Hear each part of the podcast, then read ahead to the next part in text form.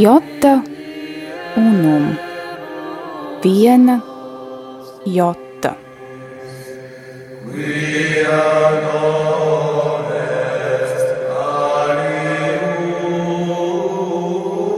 Tradīcija.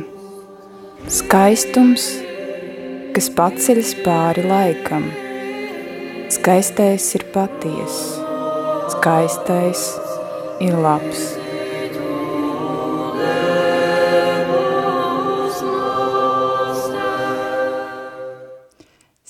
Sveicināti, dārgie radio Marija klausītāji! Mani sauc Marija Podniece. Pie skaņu pults ir mana māsa Ilze. Ar jums kopā, kā jau katra mēneša 4. sestdienu, ir raidījums Jota Unum. Nākamais raidījums gan skanēs agrāk nekā ierasts 10. decembrī. Iepriekšējā raidījumā apskatījām latīņu valodas ekskluzīvo lomu baznīcā – Tāpat atšifrējām raidījuma nosaukumu. Savukārt šis raidījums veltīts pārvaldes formām, valdīšanai un valdniekiem. Bet nu, laiks īsam liriskajam ievadam. Dostojevska romānā Velni Slavofils Šatovs saka romāna galvenajam varonim Stavroginam šādus vārdus. Bet jūs gājāt vēl tālāk – Jūs ticējāt, ka Romas katolicisms nav vairs kristietība. Jūs apgalvojāt, ka Roma sludinājusi tādu Kristu, kas padavies trešajam vēlna kārtinājumam, un ka pavēstīs visai pasaulē, ka Kristus bez laicīgās valstības zemes virsū nevar pastāvēt. Katolicisms līdz ar to sludinājis antikristu, un tā iegrūdis postā visu rietumu pasauli. Vai Kristus var vai nevar pastāvēt bez laicīgās valstības? Un kādas tad ir Kristus valstības robežas? Un vai katolicisms patiesi ir iegrūdis postā rietumu pasauli? Šodien aizsāksim sarunu par Kristu karali. Tik galā ar šiem komplicētajiem jautājumiem man palīdzēs priesteris Dominikāņu ordeņa tēvs Oskars Jabloņskis, kurš mums pieslēgsies no Liepājas. Sveicināts tēvs Oskar!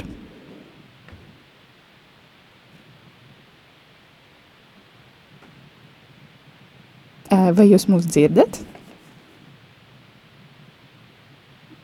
Tēvs Oskar?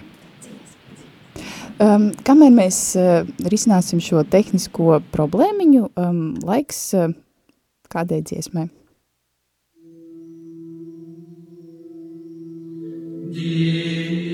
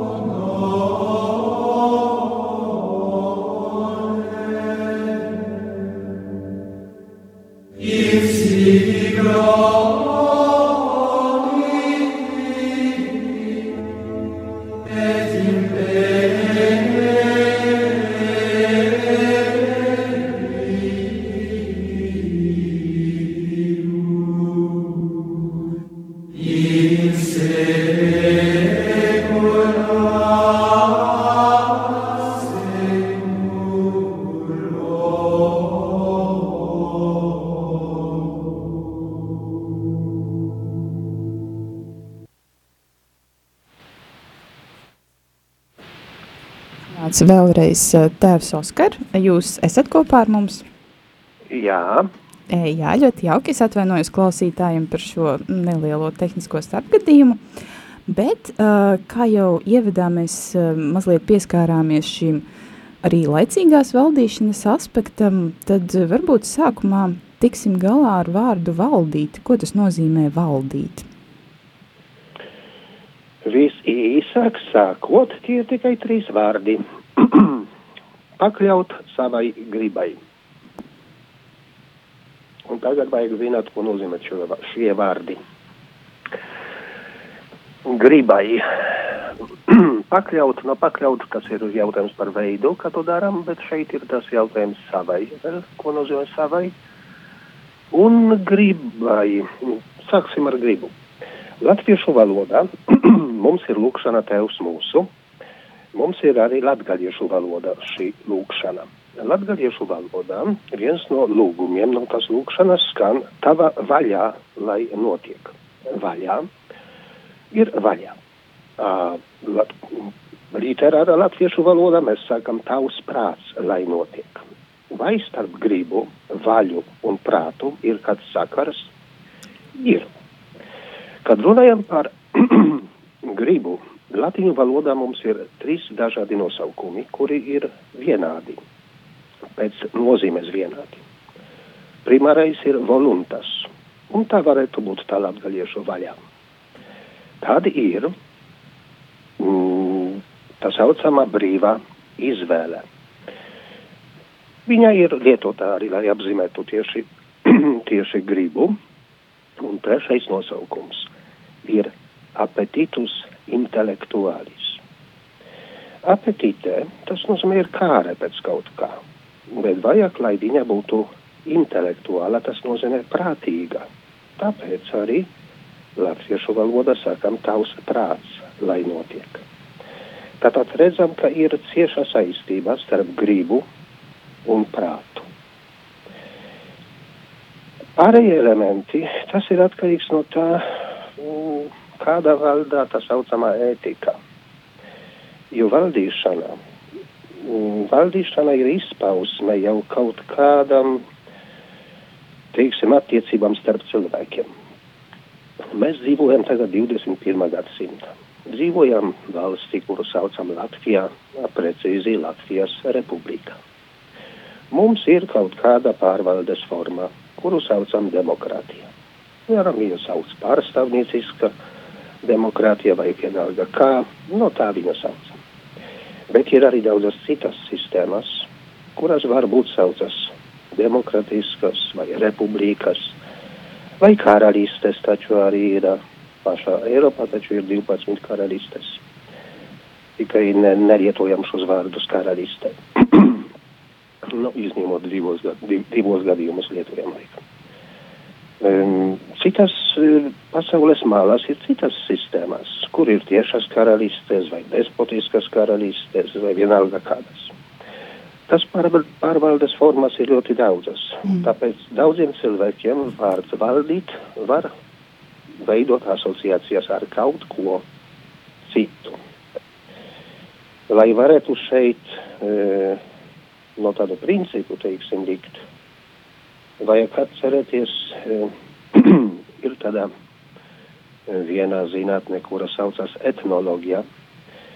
Tā nodarbojas ar pētīšanu, kā dzīvo sabiedrības dažādas pasaules malās.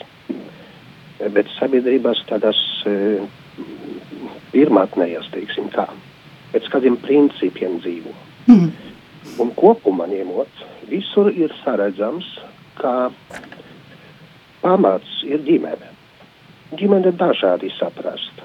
Viņa var būt balstīties uz monogamistisko, teiksim, ģimeni, e, poligenistisko vai poliandrisko, ir dažādas, dažādas sistēmas, ir, bet kopumā visi visur pieņem ģimeni kā pamatu. Un ir, ir arī otrais vēl pamats, kuru saucam ētika. Šeit ētika tas ir vienkārši dzīves veids, un e, svarīgi ir pamanīt, ka tas ir dzīves veids, kas smeļ, teiksim, idejas no pasaules, no dabas. Tas nozīmē tādā dabiskā etika, varam viņu nosaukt arī dabiskais likums. Mm -hmm. Tas ir divas bāzes, un pēc tam no tā viss tālāk, tālāk, tālāk iet. Jā, tad varbūt arī pieskarsimies šim tālāk, tālāk, respektīvi, kādas ir vispār iespējamās pārvaldes formas. Jo no jūsu lekcijām es sapratu, ka ir tikai principā divi veidi, vai es kļūdos? Principā ir trīs. Mm. Nu, bet sāksim tā. Sāksim ar to, ka mēs dzīvojam Eiropā, tātad mums ir kaut kāda intelektuāla bāze saistīta arī ar, ar Eiropu, un Eiropas intelektuāla bāze balstas grieķu filozofijā un mm, ro, romiešu jurisprudence. Mm -hmm. Grieķu filozofija. Grieķi antikā, tas nozīmē pirms Kristus. Nu, viņiem bija dažādas koncepcijas. Šeit jā, jāatcerās, ka viņi dzīvoja tā saucamas polisas, tas nozīmē bija pilsētas valstis. Tikai šeit ir arī jāzina, ka katra pilsēta pārvalde bija citādāka. Viņi visu laiku eksperimentēja. Domāju, kur, kādā sistēma būs labāka, kas valdīs tagad, vai tas slikti, tas atkal nelabi, tas atkal nelabi. Meklēja risinājumus. Tad parādījās viņiem tāds cilvēks Platons.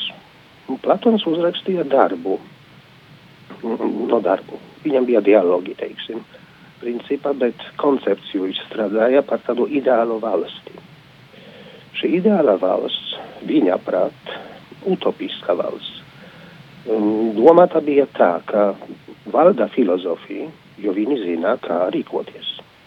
Kārtību sargā kareivī, jo Viņiem vienkārši ir dota vara šajā ziņā. Un trešā sabiedrības šķira ir amatnieki, kuri rūpējas par to, lai visiem būtu, teiksim, zabaki, apģērbts un tā tālāk.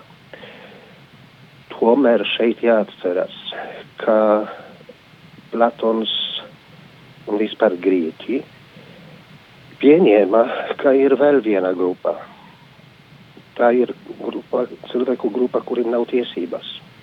Un tie ir vergi un sievietes. Ak vai? Jā. Grieķu koncepcija sieviete ir nekas. Viņa ir tikai bērnu zemdināšanai paredzēta. Nav principa. Platons pats redzēja, ka viņa ideja ir pilnīgi utopiska. Šādu valsti izveidot vienkārši nav iespējams. Elementāri, tāpēc, ka nav pietiekoši daudz tik gudro filozofu, lai varētu saskaņot savā starpā visu. Tāpēc viņš realistiski piegāja, paskatījās, viņš pats dzīvoja Atēnas.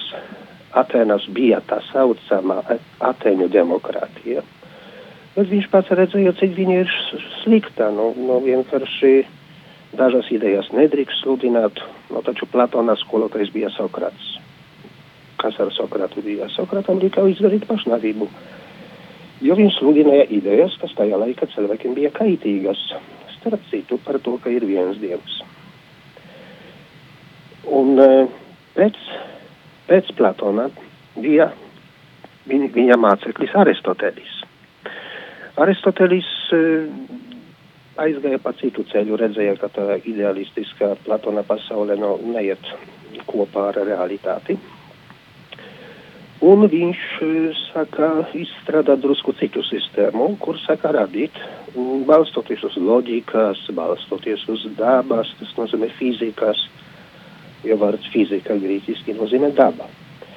Skatījās uz dabu, pētīja un redzēja, ka ir kaut kāda mm, sakarīga lieta, kuru var pielietot arī cilvēku sabiedrībai. Viņš formulēja tā šādu lietu, ka ir trīs labas pārvaldes formas. Pirmā ir monarhija. Tas ir no grieķu vārdiem monos un arhē. Tas nozīmē sākumā ir viens. Viņu varam saukt karalis, lai ir. E, starp citu, Aristotelis trīs gadus bija Aleksandra lielā skolotais. Jā, jā, tas ir svarīgs aspekts. Un Aleksandrs Lielais līdz pašai savai nāvei Aristotelim visu laiku rakstīja vēstulēs, atskaitījies, ko viņš dara. Mm. Otra laba formā, ja nav viena tāda, kurš to var darīt, ir tā saucama aristokrācija. Aristokrācija, pareiza vārda nozīme, tas nozīmē, ka tie ir kādi cilvēki, kuriem ir viņus grieķiski sauc optimates, optimāli. Laikam saprotam šo vārdu. Nu, jā, jā, Optimāli. domāju, ka Mēs viņus vienkārši saucam aristokrācijā. Tas nozīmē kaut kādi cilvēki, kuriem ir, ir nodrošināti, zina, kā dzīvot, kā rīkoties, zina, kādi ir sabiedrības mērķi. Nu, un cik viņi tur ir, nav pateikts, bet katrā ziņā viņi kopā vienojas un e, vada sabiedrību. Un trešais labs veids, ja nav tādu aristokrātu, to optimālo cilvēku, mm. -hmm. tā ir tā saucama politeja. Šeit tas grieķu vārds polis, pilsētā valsts. Visi pilsētas valsts pilntiesīgi iedzīvotāji caur kaut kādam pārvaldes formam, vai tā ir balsošana, vai tā ir kaut kāda cita veida, pārvalda pār pilsētu. Viņš saka, tie ir trīs labi, bet ir trīs, kuri var būt nelabi. Ja šie trīs labi ir kaut kādā veidā deformēti, notiek tā saucamā korupcija. Korupcija laikam vārdu zinām, ne? jā, domāju, tas Latvijā Tā ir visai. korupcija, tas atpazīt. nozīmē tieši iznīcināšana, latīniski vismaz. Mm Mhm. ka kaut kas tiek deformēts. Tad monarhija var pārveidoties un pārvēršas parasti par tirāniju. Al, um, aristokrācija pārvēršas par oligarhiju, bet politeja pārvēršas par demokrātiju. Mhm. Skan varbūt dīvaini. Jā, Bet pēc tam, pēc tam 13. gadsimtā, kad dzīvoja Akvinas Toms, viņš stāstīja gandrīz to pašu, praktiski to pašu. Gadījās 60. gados, 13. gadsimtā, ka Kipras karalis Igo otrais vai trešais vēršas pie Toma, lai viņš uzraksta viņam tieši kā būt par karali. Un Toms sāka rakstīt tādu darbu. Šis darbs saucas Deregno. Un Toms tieši šajā darbā atkārto šo Aristoteļa iedalījumu. Tikai jāņem vērā, ka Toms ir kristietis. Aristotelis nav kristietis. Tātad Tomam ir vēl papildus elementi, kurus viņš pieliek pie skaidrojuma, un tā ir tā īpašā, nu, teiksim, palīdzība pie skaidrojuma. un kādi var Tātad būt? trīs būt, labas jā, formas un Mhm. trīs Mhm. nelabas. Par, tam, par to demokrātiju mūsdienas, Jā. ziniet, pat, pat latviešu valodā, pat latviešu valodā Wikipēdijā speciāli atradu, ir rakstīts, ka pastāv dažādi demokrātijas veidi. Mhm. Tagad, kad lasām kādi, tad vienkārši matīs stāv galvā. Liberāla demokrātija, radikāla demokrātija, sociāla demokrātija, totalitāra demokrātija. Nu, vienkārši vairāk. Nu, jā, bet nu, atrodamies, kur atrodamies, vai, nu, var, vai jūs varat pateikt vismaz kādu nomierinošu vārdu arī par demokrātiju? nomierinošu. No vissliktākām pārvaldes formām tā ir vislabākā. Nu, tad, nu, tad vismaz mums ir mazākais no ļaunumiem. Bet, Tādā eh, ziņā var pateikt. nu, jā, bet Ka Jāņem tāpēc, vērā vēl, jāņem vērā vēl, kā šo vārdu demokrātija pēc tam saka lietot, un pat baznīcas valodā šie vārdi, šis vārds Mm. mm. parādās. Arī pāvesti savos kādos dokumentus lieto šo vārdu. Fakts ir, ka viņi tur precizē, ka e, demagogiska demokrātija ir ļauna, a demokrātija kā tāda, ja viņa patiešām būtu labi saprasta, nu, varētu vēl domāt, ka no labi varam paciest. Mm. Ok, bet tad eh, pēc tā, ko jūs eh, pirmīt minējāt, mm, ļoti fascinējuši izklausījās šis eh, vārds monarhija, jo katoļu baznīca arī principā ir kā sava veida monarhistiska valsts, vai ne? Jā, tādā, tādā vismaz bija, varbūt arī ir, tikai nu, arī jautājums, kas tur dažādi tur stāsta mūsdienas. Principā bija tieši, sākumā tā nebija. Sākumā bija normāla sistēma tāda, kā ir apustuli, apustuli pēcteči, ir e, patriarhi tā saucamie, ir Romas bīskaps, e, kur visi ļoti ilgu laiku visi vienkārši pieņemā kā to, kas ir Pētera pēctecis, un viņam ir tā galvenā teikšana. Kādreiz bija romiešiem tāds teiciens Roma locuta causa finita, tas nozīmē Romā pateica un lieta ir izbeigta.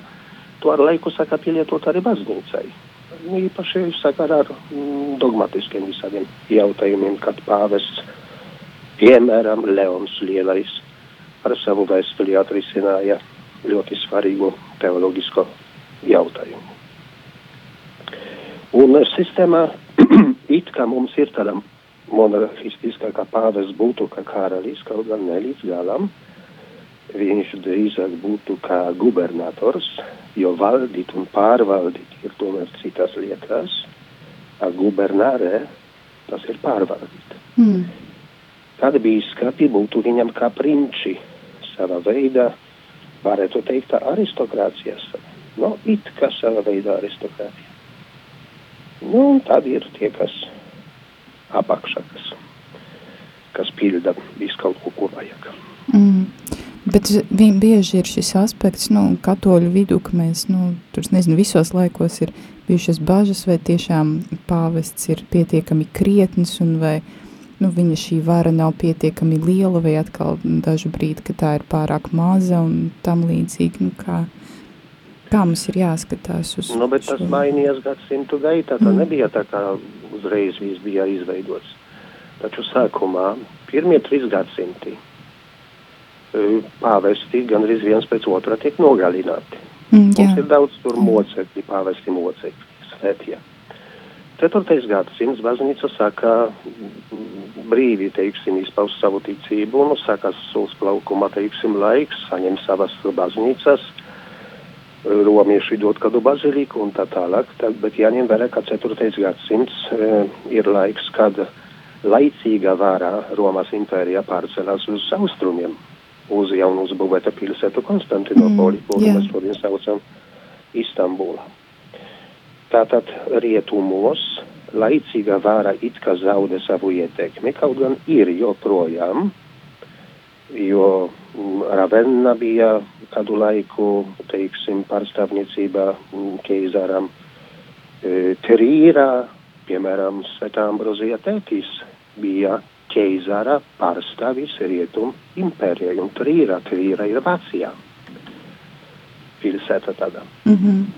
Ar laiku saka veidoties tā, ka pāvesti, kas bija Romā, pārņēma arī publiskas visādas, teiksim, lietas, bija nozīmēti kā atbildīgi un tā tālāk. Pieņēma arī bīskapi bija par tiesnešiem bieži. Tas viss veidojas, sistēma veidojas. Kad eh, bija septītais gadsimts, eh, Franku kristība, Tur ir visādi tur pepins, mazais vai īsais, kā viņu tur sauc. Eh, Saka veidoties baznīcās valsts, teritoriālā valsts. Saņēma baznīca, nu teiksim, nosauksim baznīca, saņēma zemi. Mm -hmm. Tātad bija kā valsts, pastāvēja kā neatkarīga valsts. Tātad atkal veidojas nāko, nākamās struktūras, kuras bija vajadzīgas. Saka, Eiropā tad veidoties arī valstis. Mēs maz zinām par vēsturi, bet mē, mēs zinām par Franku valsti. Jā, jā, to. Bet taču Franku Karlis Lielais, eh, Karlis Lielais, tur jau bija cīņa ar pāvestu, ka Karlis Lielais pats sevi gribēja kronēt. Mm. Nesaņemt kroni no pāvestā, lai pāvests viņam uzliktu tikai pats. Tas Mm. mm. nozīmē, ka jau bija eh, parādīta tā cīņa kura vara ir svarīgāka - garīga vai laicīga. Un tas pēc kārtas visu laiku gadsimtiem ilgi bija. Varbūt jūs, nu, daži cilvēki dažādas lietas zina. Es mēģināšu skaidrot vienkārši. Jā, jā. lūdzu. Bija tā Franku, Franku karaliste. E, Karalim Lielam bija dēli. Pēc viņa nāves viņa karaliste tika sadalīta. Izveidojas dažādas, teiksim, citas valstis. Pēc tam šo ideju par Romas impēriju pārņēma tā saucamā svētā Vācu Romas impērija. Viņa sākumā bija Vācu Romas impērija, pēc tam pielika vārdiņu svētā. Tātad Vācu ķeizars kļuva, var teikt, par it kā Romas impērijas pēcteci mantinieku. Un visu laiku bija problēma, vai pāvests, vai ķeizars, kurš, piemēram, nozīmē bīskapus. Um, un tā cīņa, tā cīņa bija ļoti ilgi.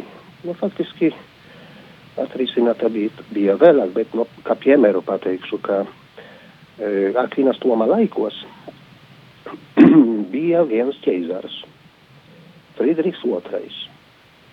Viņš vienlaikus bija Neapoles karalistes karalis. E, izglītots cilvēks. Viņš domāja, ka viņš apēdēja visu gudrību, kāda viņa iespējama šajā pasaulē. Ar pāvestu visu laiku cīnījās tieši par to, par savām tiesībām. E, Pāvests viņu ekskomunicēja. Un ko izdarīja Friedrichs II? Viņš teica, kā?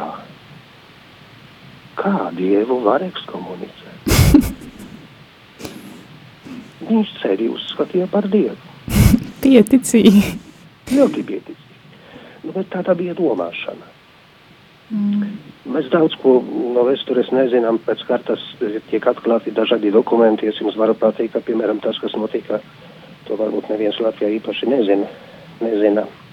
Bet tas, kas notiek Latvijā, tā, tā saucamā kristība ar uguni un zoliem. Jā, jā, tas ir šis Ziniet, mīts, jā. jā. Krustnešiem bija tieši Friedriha otrā uzrakstītais dokuments. Tā saucamā bulla no Rimīni. Mm. Un viņi balstoties uz tā, ko viņš viņiem atļāvā, Mm. rīkojas kā rīkojas. Mm. Nu, bet tāda bija domāšana. Dievs, Mm. vai drīz kā Dievs mums atļāva. Mm. Mēs brīnāmies, nu varam brīnīties. Nu, bet tā vienkārši tur, tur bija. Nu jā, nu, Bet, bet austrumos nebija nemaz eh, daudz. mm, Nē, no austrumos bija, austrumos bija tā, ka mm, laicīga vara bija pāri garīgai. jā, viss jā, īstāks jā. Jo ķeizaris sasauca koncelus. Mm. Um, stāsta vispār tādu kā anekdotisku lietu, ka Bizantijas Konstantinopoles ķeizaram bija divi troni. Viens, uz kura viņš sēdēja, a otrais bija dievam paredzēts. Bet vienu reizi nedēļā viņš pats apsēžas šajā otrā tronī. Tātad eh, redzam, ka tā ideja par to ķeizaru, kas viņš ir, Jā, gan šeit, gan šeit, nu, drusku mm. citādāk, bet tomēr visu laiku cilvēkiem gribas. uz tā dieva troņa. Jā, apsēst. Jūs būsiet par dievi, ja? Jā, jā. Un varbūt šajā brīdī mazliet pārtrauksim mūsu sarunu uz muzikālo pauzi, bet, kad no tās Mhm. atgriezīsimies, um, parunāsim par Izraēļa tautu un valdnieka jēdzienu, ko mēs saprotam valdnieku arī tīri tādā vecās derības izpratnē, un tāpat turpināsim runāt par monarhiju. Uh -huh.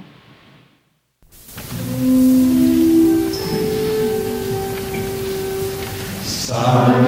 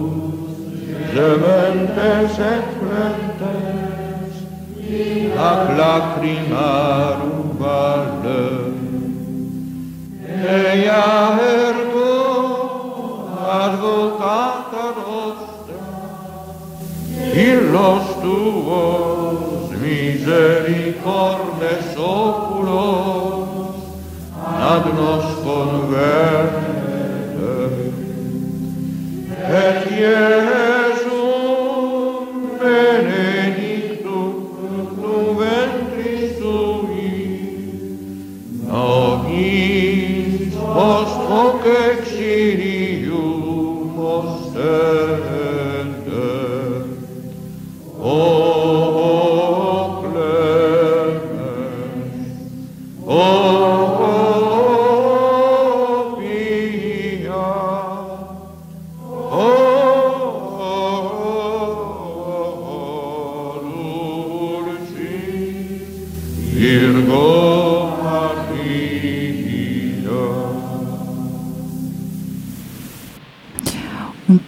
mēs esam atpakaļ.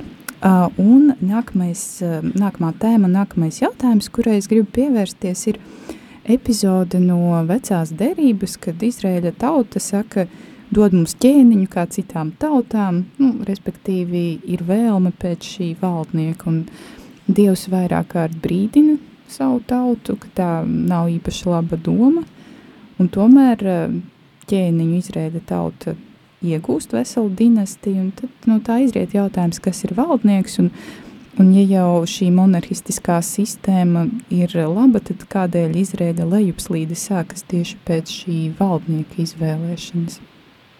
Mhm. Ei, no šeit ir tā sarežģītāka lieta. Jāņem vērā tā. Izraēlis veidojas. Viņiem bija konkrēti ieteikumi, kad viņi izgāja no Eģiptes zemes. Eģipte viņiem bija arī pieredze. Skatījās, kāda tur ir sabiedrība. Varbūt tas šķiet dīvaini, mums māca, ka faraoni valdīja. Nē, faraoni nevaldīja. Faraoni bija faraoni, ja valdīja priesteri. Tā bija sakrāla civilizācija. Un Tāpēc, ka viņiem bija lielākas zināšanas un varēja vienkārši apmuļķot patvaldniekus. Tālāk e, jāatcerās, ka pēc tam e, viņi sastapas ar kaut kādam tautam, kuras dzīvoja Kanāna. Viņiem bija konkrēti pateikt visus iznīcināt. Kāpēc? Tāpēc, ka tas tautas kalpoja kaut kādiem citiem dieviem. Viņiem, izrēliešiem, bija viens dievs, vai tā bija monoteistiskā reliģija. Daži saka jā, daži saka nē. Mm, Ir lietots īpašs vārds monolatrija. Tas nozīmē, ka, nozīmē, ka pielūdza vienu dievu, bet, bet vai atzina kādu vēl citu? Varbūt. Izraēļa vēsture tālāk parāda, ka viņi neiznīcināja visus. Un, kā mums rakstīt tur saka, saka precēties ar vietējām sievietēm, no tā kā gadās sieviete pievērsa uzmanību saviem dieviem, nu, un tas sākas arī par to mums rakstā raksti. Sākas eh, visādu dievu pielūgšana un sākas problēmas. Mm, nebija visa teritorija vēl ieņemta, kad viņi gribēja karali, par to mums arī jāatceras. Piemēram, Jeruzaleme visu laiku bija neatkarīga pilsēta. Tikai Dāvids ieņēma Jeruzalemi. Viņi dzīvoja šajā teritorijā, tā mūsdienās to tā Izraēļa, teiksim, bet e, skatījās uz citām apkārtējām tautām, kurām bija savas sistēmas. Šīs tautas viņiem bija naidīgas, edomīti, moabīti, viss kaut kādi citi apkārt tīkoja pret viņiem. Paši par sevi, ja mēs zinām no tiesnešu laikiem, soģu laikiem, viņi varēja cīnīties. Soģis vai tiesneši viņus sasauca un gāja kopā ar viņiem cīnīties. Un tā ar filistiešiem, piemēram, cīnījās un uzvarēja. Dažreiz bija sakauti, dažreiz uzvarēja ar citiem arī. Interesants ir Samuels, pēdējais no tiesnešiem. Kad viņi gribēja, lai Samuels ietu kopā ar viņiem pret filistiešiem, viņš teica, nē, es par jums palūkšos, ejiet cīnīties. Un tad, un tad, tā saucamās ciltis vēršas tieši pie Samuela, lai viņš nozīmētu karali, viņš brīdina, ja jūs gribēsiet karali, tad būs tādas problēmas, tādas problēmas, tādas un citas. Un atbildēja tas nekas, mēs gribam kā citas tautas. Aizmirsa, par kaut ko aizmirsa, par to, ka viņu karalis ir Dievs. Dabūja karali. Pirmais, kas bija Sauls, no kādas cils, Benjamīnā. Kas tā bija par cilti? Viena no mazākām un nožēlojamākām. Ja kāds pārzina svētus rakstus, tad zina, ka benjaminieši bija gandrīz, vīrieši bija visi gandrīz nogalināti vienā brīdī. jo izdarīja pret pārējām tautām šausmīgus noziegumus. E, Sauls bija sākumā normāls cilvēks, bet varā, varā viņam iesita galvā. Un visi noteikti zina stāstu par Dāvidu, e, kā dziedāja dziesmas mm. Izrēļa meitas, Sauls nogalināja uh, tūkstošus, Dāvids desmitiem tūkstošu uz šo pusi. Nav sakas greizsirdība, sakas naids pret Dāvidu. Galu galā Sauls var teikt sajūka prātā. Nākamais bija Dāvids, nozīmēts par karali vēl Saula dzīves laika. Vai Dāvids bija ideāls? Nebija. Davids izdarīja daudzas ne, negudras lietas. Lielākais grēks, ko viņš izdarīja, bija saskaitīt tautu. Saskaitiet tautu. Par to bija mēris visai, visai tautai. Tur tāds tas bija labāk nodot tautu dieva rokas nekā, nekā cilvēku, kā citi ienaidnieki cīnītos pret Izraēlu. Dāvids apvienoja zemes teiksim, ieguva tur Jeruzalēm. Nu, Davidu tur slavēja labi, Izraels kļuva par stipro valsti. Pēc tam bija Salamons, par kuru varam pateikt gudrs cilvēks. Nu, it kā gudrs, bet uh, sākumā bija skaisti un labi. Bet pēc tam atkal problēmas. Viņam bija ļoti daudzas sievas. Šeit ir jāsaprot, ka tas bija politiskais uh, veids, kā pārvaldīja šajā laikā, precējas ar citu tautu pārstāvjiem, lai um, novērstu potenci potenciālus karus. Mm. To darīja pēc tam arī viduslaikos, piemēram, Eiropā. Un ne tikai, es domāju, ka visā pasaulē jā, varēja darīt. Jā, jā. Tā bija vienkārši, tas bija problēmu risināšanas veids. Salomons, viņa sievas pievērša viņu, taču svešiem dieviem. Īpaši pieminēts ir Molohs, kuram taču dzīvus bērnus upurēja. Kad nomira Salamons, Salamons ir kā bagāts cilvēks, gudrs, bet kad nomira Salamons, ir interesants stāsts, kuru nelasam baznīcā, jo viņš šķiet neinteresants. E, bija divi dēļi - Roboams un Jeroboams. Jeroboams aizmuka uz Eģipti, jo baidījās, ka viņu nogalinās, pats Salamons, Ārobams palika. nu, un pat pēc Salamona nāves rodas problēma, kurš būs valdnieks. Ierobams atbrauca un piedāvāja, klausies, mēs, Robāvam teica, klausies, mēs tev būsim pakļauti, ja tu samazināsi nodokļus, atvieglosi jūgu. Uh, Robāms izdarīja tā sākumā aizgāja pie tautas vecākiem, parunāja ar viņiem. Tie viņam teica tieši izdarītā samazini šo jūgu, un tad visi tev būs pakļauti. A viņš pēc tam aizgāja pie saviem vienaudžiem, jaunekļiem, un viņiem pajautāja. A viņi teica, zini ko? Izdari tā. Uzspiež viņiem vēl lielākus nodokļus alienini šo jogu. Nu, un viņš izgāja pret tautu un tā pateica. Un tā sadalījās valsts. Roboams palika ar divām ciltīm, Jūda un Benjamins. Pārējās desmit ciltīs izveidoja tā saucamo Ziemeļvalsti, tas ir Izraēli. Un sakas šķelšanas. Pēc tam bija vēl trākāk un trākāk. Ja paskatīsimies uz karāriem, vienalga vai tā bija Dienvidvalsti vai Ziemeļvalsti, varbūt uz vienas rokas pirkstiem var saskaitīt tādus, kas būtu uzticīgi dieva likumam. Arvien trakāk un trakāk. Ziemeļvalsts krīt, krīta 721. gada, asirieši tu pārņema, un 780 e, un 578. Dienvidu valsts arī krita, babilonieši atnāca. Īsa bija karaļu vēsture Izraēļi. Mm. Īsa un bēdīga.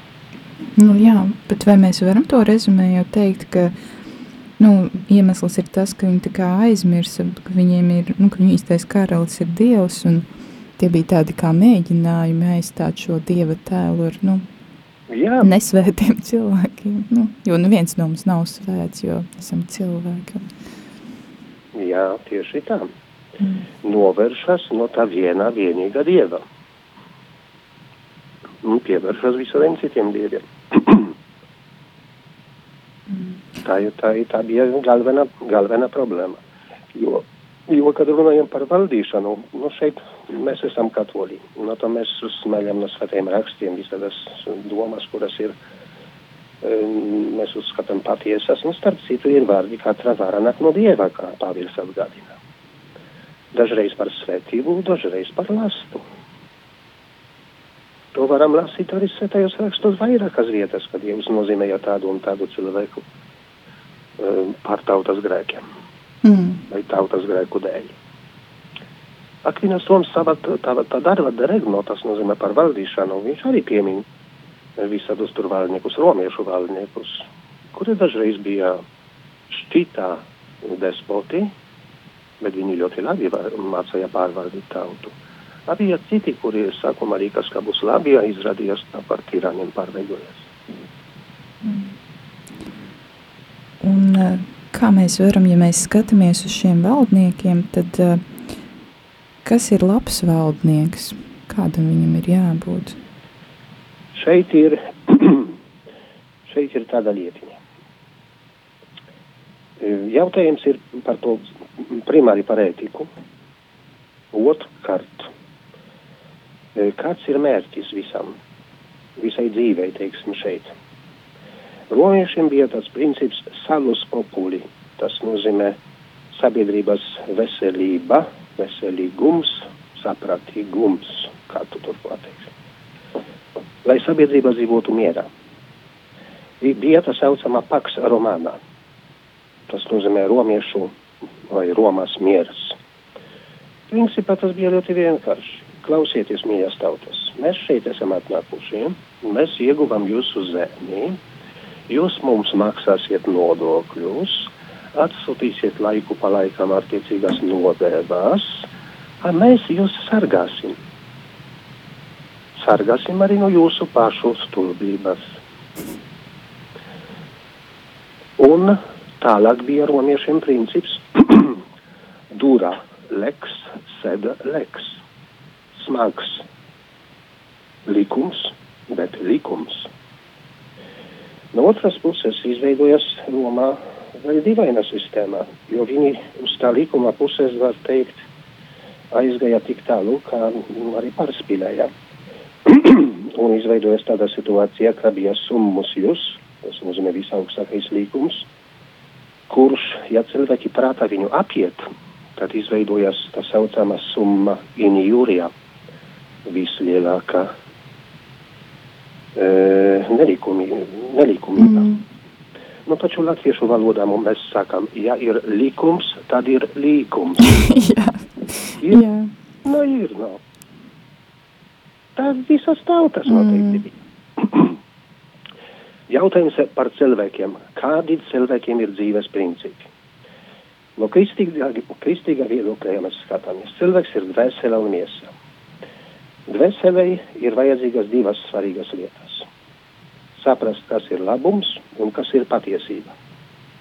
Miesai ir vajadzīgas principā arī divas lietas - veselība un nosauksim to labklājībā, bet pēc būtības tā ir cīņa par izdzīvošanu. Labklājība labāk skan. Un ir trešā lieta, kas apvieno abas šīs. Tas ir skaistums.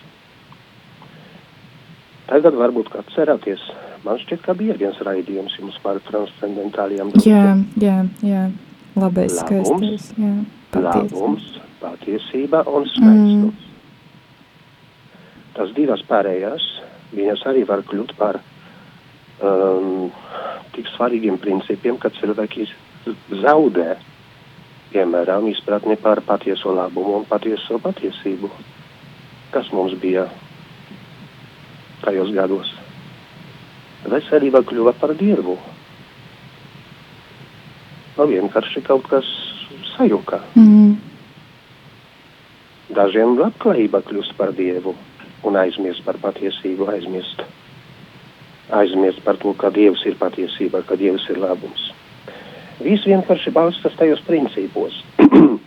ja ir ievēroti šie principi, ka dievs ir īstais labums, pēc kura tiecamies, pieminēju pašā sākumā, griba ir apetitus intelektuālis. Tas nozīmē tieksme pēc, tieksme pēc kaut kā, kas ir patiesa un kas ir labs. Ja ir ievēroti konkrēti principi, ja cilvēkiem ir dzīves mērķis, ja valdniekiem ir zināmi, uz kurieni mēs tiecāmies, tad var domāt, ka būs labi valdnieki. Mm. Viens, vairāki vienalga tagad. Bet princips, ko mēs veidojam, vai laimē, tas ir jautājums arī par laimi. Vai laime ir šeit veidot šajā pasaulē, to, ko tagad mēģina mums piedāvāt ANO vai Pasaules veselības organizācija? Mm.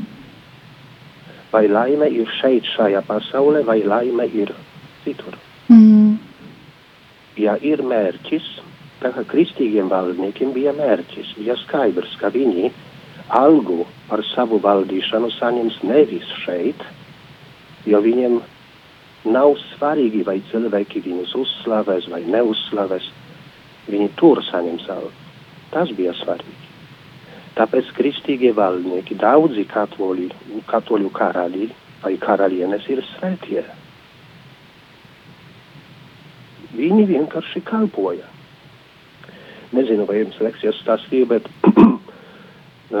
ķeizars, um, pirms pēdējais Austrijas ķeizars Jāzeps, viņš katru dienu, katru dienu no rīta un vakara uz plikas akmens grīdas lūdzas par visiem saviem padotājiem. Nepalūdzas tikai vienu reizi, savā nāves dienā. Mm. Jā, jā, tas ir ļoti skaists piemērs ne tikai kā būt labam ķēzaram, bet arī kā mums ikvienam būt labam cilvēkam un krietnam katolim, kristietim. Baidos, ka raidījuma laiks um, tuvojas um, beigām, un tādēļ šo neapšaubām ļoti interesanto sarunu mēs turpināsim nākamajā raidījumā, kas būs 10. decembrī, Un tad mēs parunāsim vairāk tieši par uh, Kristu karali, par hierarhiskām sistēmām, par to nozīmi. Un, protams, uh, arī visuma pārvaldes forma tiks apskatīta, kā jau es solīju. Jā. Paldies jums liels, tēvis Oskar, ka bijāt kopā ar mums, kā vienmēr ar patiesu interesi. Es klausījos, es pieļauju, ka arī lielākā daļa mūsu klausītāju klausījās jūsu teiktajā, un tad uh, mēs dzirdēsim jūs arī nākamajā rēdījumā. Paldies jums! Mm, ja Dievs dos, tad dzirdēsim. Jā, viss ir Dieva rokās, protams. Jā, ar Dievu. Ar Dievu. Nākamajā rēdījumā, kā jau minēju, turpināsim šo aizsākto sarunu. Um, diemžēl, kā ierasts, nevaru jūs aicināt uz tradicionālo latīņu misiju ogrē, bet aicinu lūgties, lai šī situācija pēc iespējas ātrāk atrisinātos un tradicionālā latīņu mise Latvijā atkal būtu ticīgajiem pieejama. Tāpat, protams, noslēdzot raidījumu, vēlos pateikties ikvienam par atbalstu lūkšanās un nodomos. Liels paldies jums un uz tikšanos 10. decembrī!